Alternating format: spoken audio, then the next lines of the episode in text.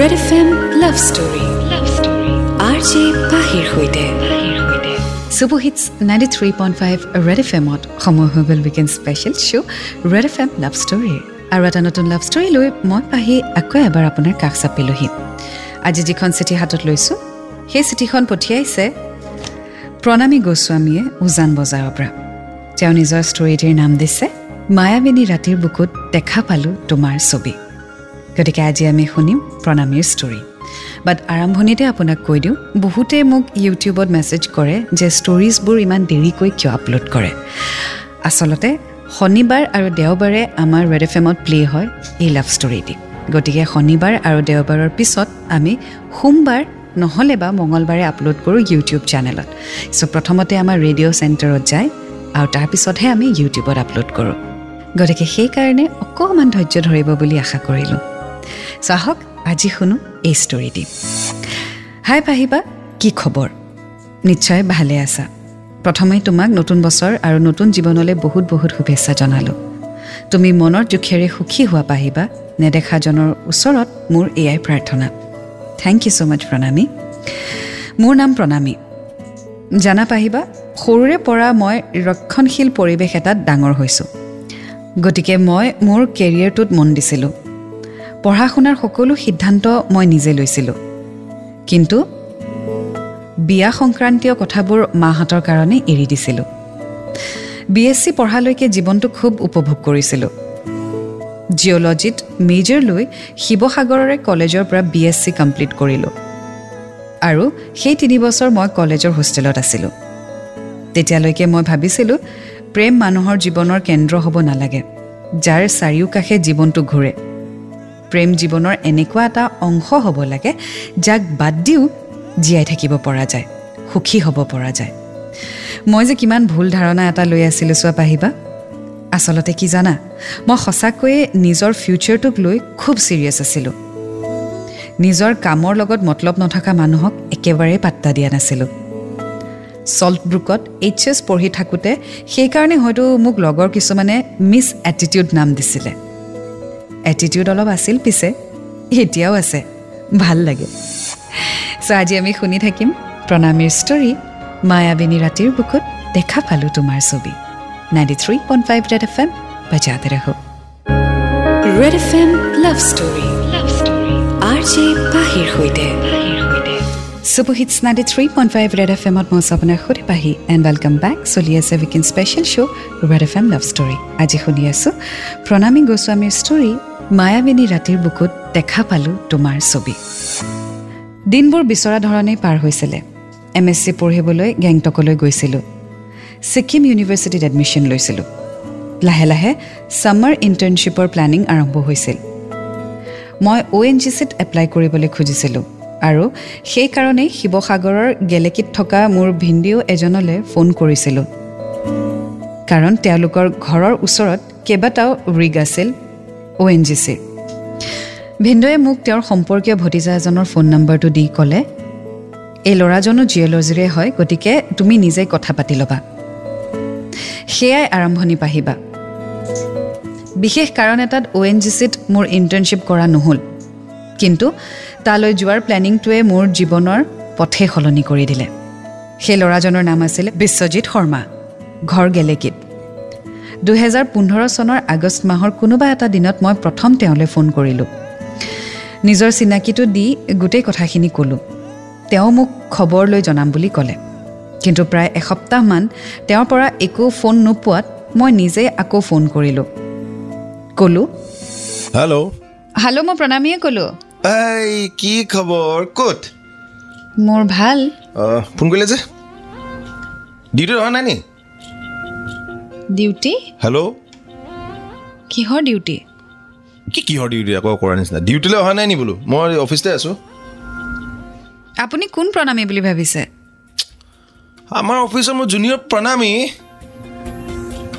Okay. Hello কোন আছিল?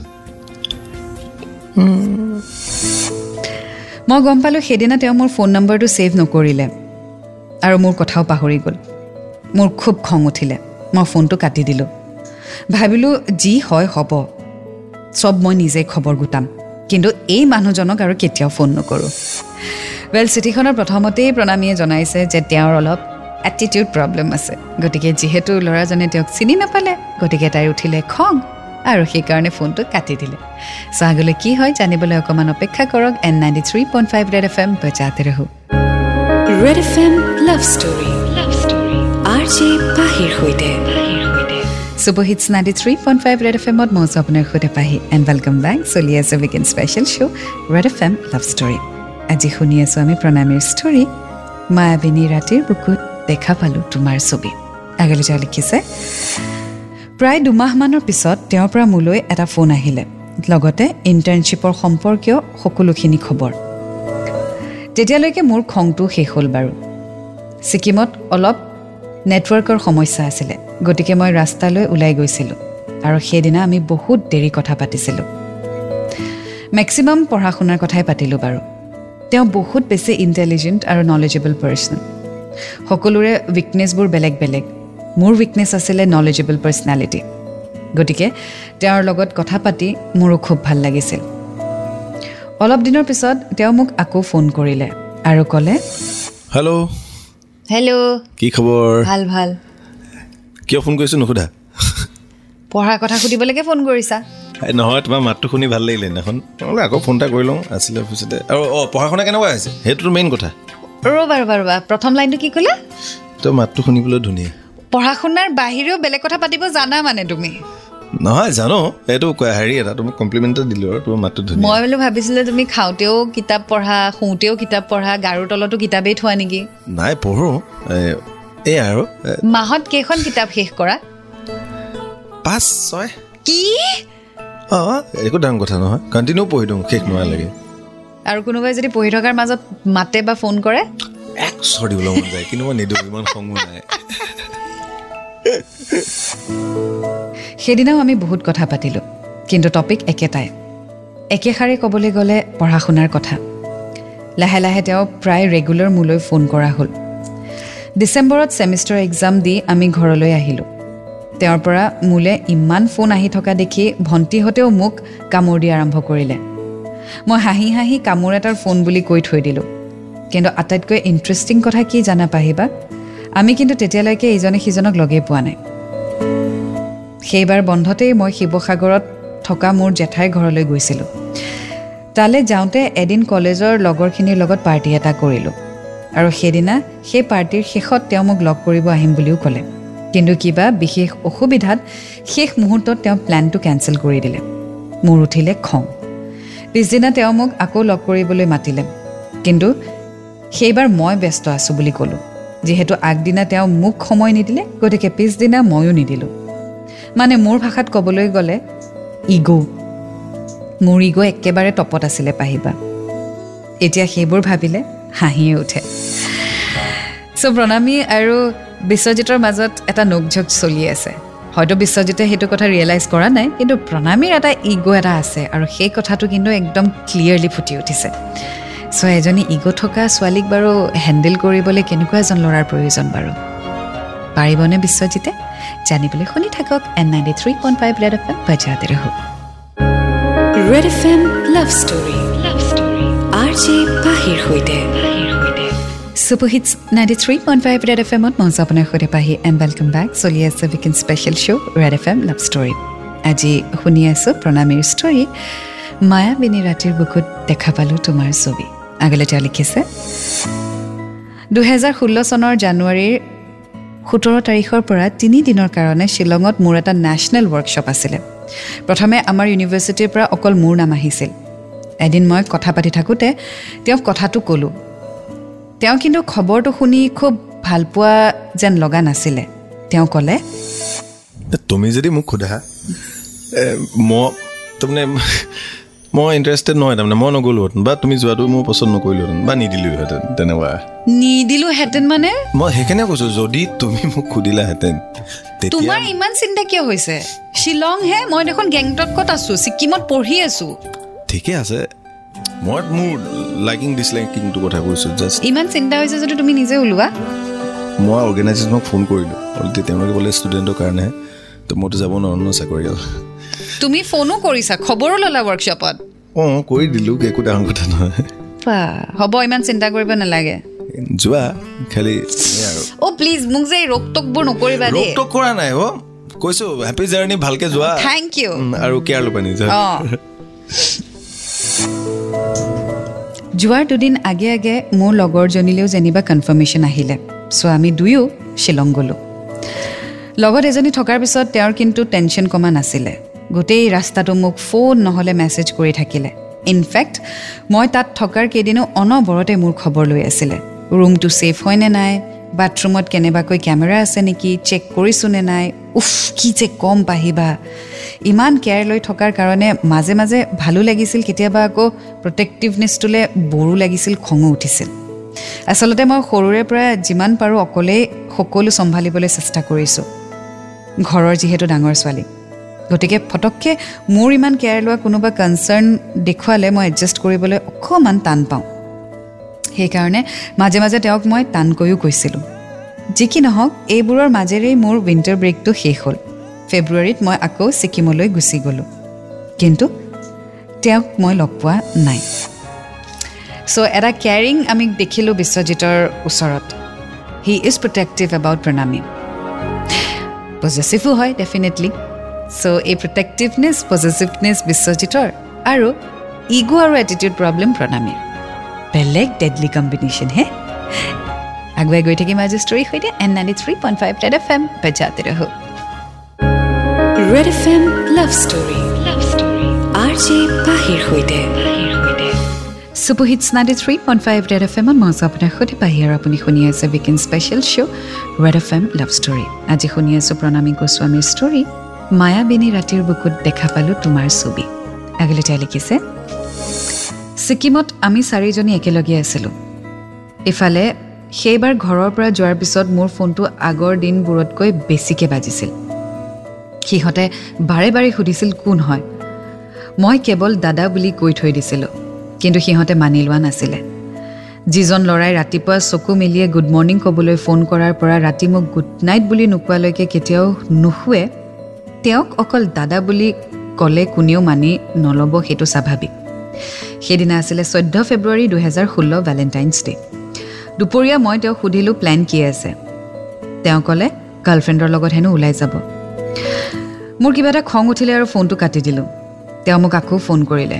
মই কিন্তু নুঠালোঁ। মেছেজ পঠিয়ালে তেওঁ মোৰ কোনো গাৰ্লফ্ৰেণ্ড নাইও ধেমালি কৰিছোঁ। মেছেজটো পঢ়ি মনটো কিবা খেলি মেলি লাগিছিল। সেইদিনা সন্ধিয়া মই তেওঁলৈ ফোন কৰিলোঁ। নহয় হাঁহিব নালাগে। মানে আমাৰ সম্পৰ্কটো কি? মোক আপুনি ৰাতিপুৱা ফোন কৰে ৰাতি ফোন কৰে ইমান কেয়াৰ লয়। মানে মই মই হয় কোন মানে আপুনি মোৰ কি হয় দাদা নে আন কোনোবা? মানে মই মাজত থাকিব নিবিচাৰোঁ। ইয়াতো ইস্পাৰ। বহুত ভাল লাগে। কিন্তু ভাল পাওঁ বুলি ক'বলৈ ভয় লাগে। কাৰণ ভাল পালে তোমাক মই কাষতে বিচাৰিম।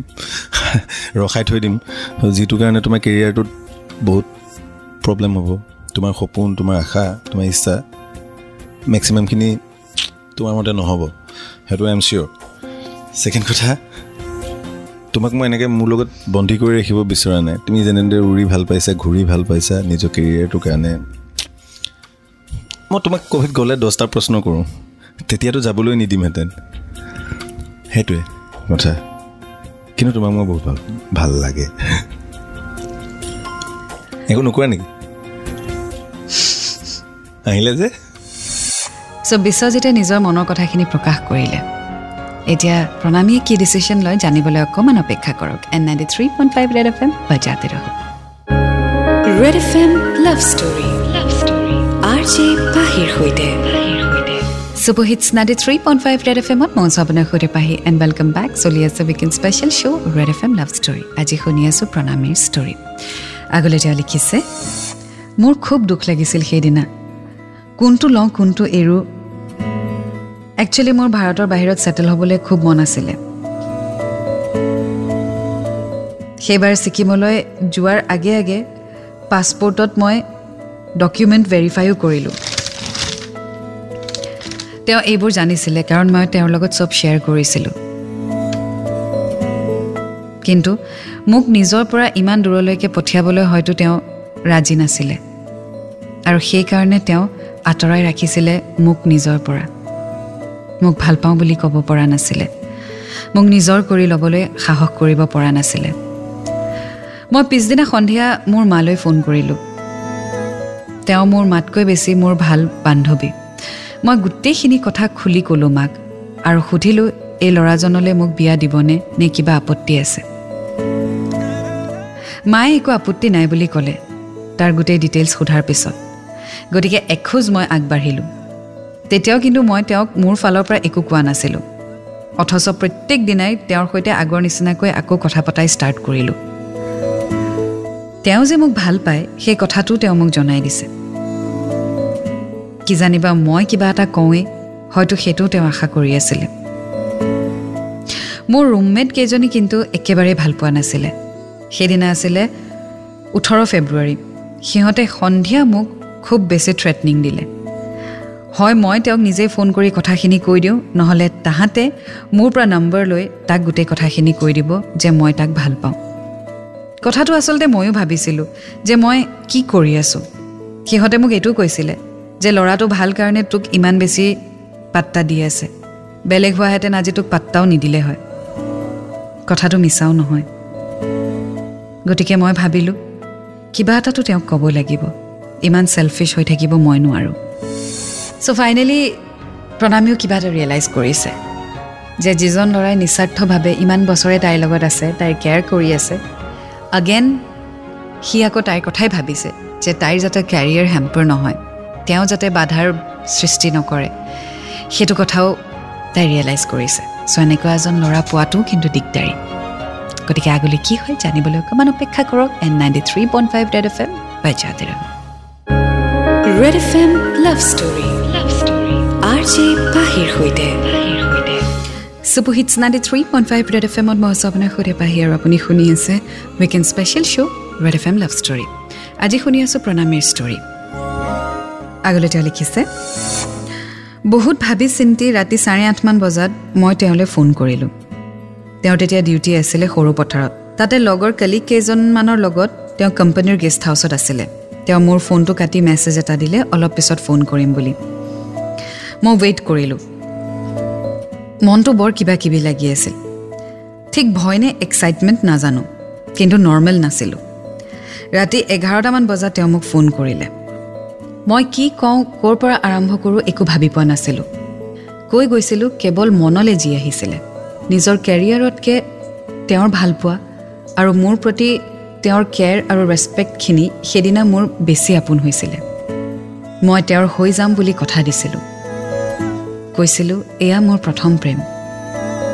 পুখুৰীত জাপ দিছোঁ আপোনাৰ ভৰসাত। সাঁতুৰিবলৈ কিন্তু নেজানো। উত্তৰত তেওঁ কৈছিলে মোৰ ওপৰত বিশ্বাস ৰাখা। মই তোমাক ডুবিবলৈ নিদিওঁ। আমাৰ সম্পৰ্কটো দূৰে দূৰে আৰম্ভ হৈছিলে। ইজনে সিজনক নেদেখাকৈয়ে। কেৱল ফটো এক্সেঞ্জ দুহেজাৰ ষোল্লৰ জুনৰ ওঠৰ তাৰিখেহে আমি প্ৰথম লগ পাইছিলোঁ। আমি প্ৰথম লগ পোৱাৰ দিনাও মই শিৱসাগৰ গৈছিলোঁ জেঠাই ঘৰলৈ। তেওঁ মোক যোৰহাটৰ পৰা নিবলৈ আহিছিলে। মই তৰাজান বাছ ষ্টপত বাছৰ পৰা নামি তেওঁলৈ ৱেইট কৰি আছিলোঁ।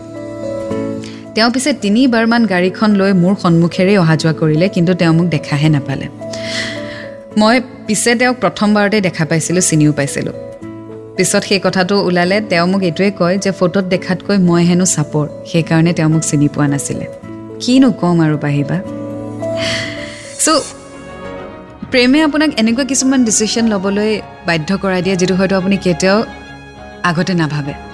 আই মিন প্ৰণামীয়ে হয়তো কেতিয়াও ভবা নাছিলে যে তেওঁ কেৰিয়াৰটো ছেকেণ্ডেৰী কৰি বিশ্বজিতক প্ৰায়ৰিটি দিব বা বিশ্বজিতক প্ৰাইমেৰী হিচাপে ৰাখিব লাইফত বাট লাভ মেড হাৰ ডু চ' গতিকে সেইকাৰণে কওঁ do fall in love because you will get to learn a lot ninety three point five Red F M বেজাতে ৰহো Red F M love story love story R J পাহিৰ সৈতে super hits ninety three point five Red F এমত মই আছোঁ আপোনাৰ সৈতে পাহি and welcome back চলি আছে weekend special show' Red F M love story আজি শুনি আছোঁ প্ৰণামীৰ লাভ ষ্টৰী আগলৈ তেওঁ লিখিছে সেয়াই আৰম্ভণি ভালপোৱা আৰু বিশ্বাসৰ হাতত ধৰিয়েই আমি প্ৰায় পাঁচ বছৰ সম্পূৰ্ণ কৰিলোঁ। কাজিয়া বহুত কৰিলোঁ। কাৰণ সদায় একেই। তেওঁ মোক সময় দিব নোৱাৰে। বহুদিন খঙত ব্ৰেকআপ কৰিম বুলিও কৈছোঁ কিন্তু কৰিব পৰা নাই। আজিলৈকে এটা দিনো ফোন নকৰাকৈ পাৰ হোৱা নাই। এনেদৰে দুহেজাৰ বিছ চনৰ ফেব্ৰুৱাৰীত তিনি তাৰিখে আমি বিয়াও পাতিলোঁ। কংগ্ৰেচুলেশ্যনছ প্ৰণামী! মই সদায়ে কওঁ মই তেওঁক বেছি ভাল পাওঁ। কিন্তু এটা কথা সঁচা যে আজি আমি একেলগে আছোঁ তেওঁৰ মেচিউৰিটিৰ কাৰণেহে।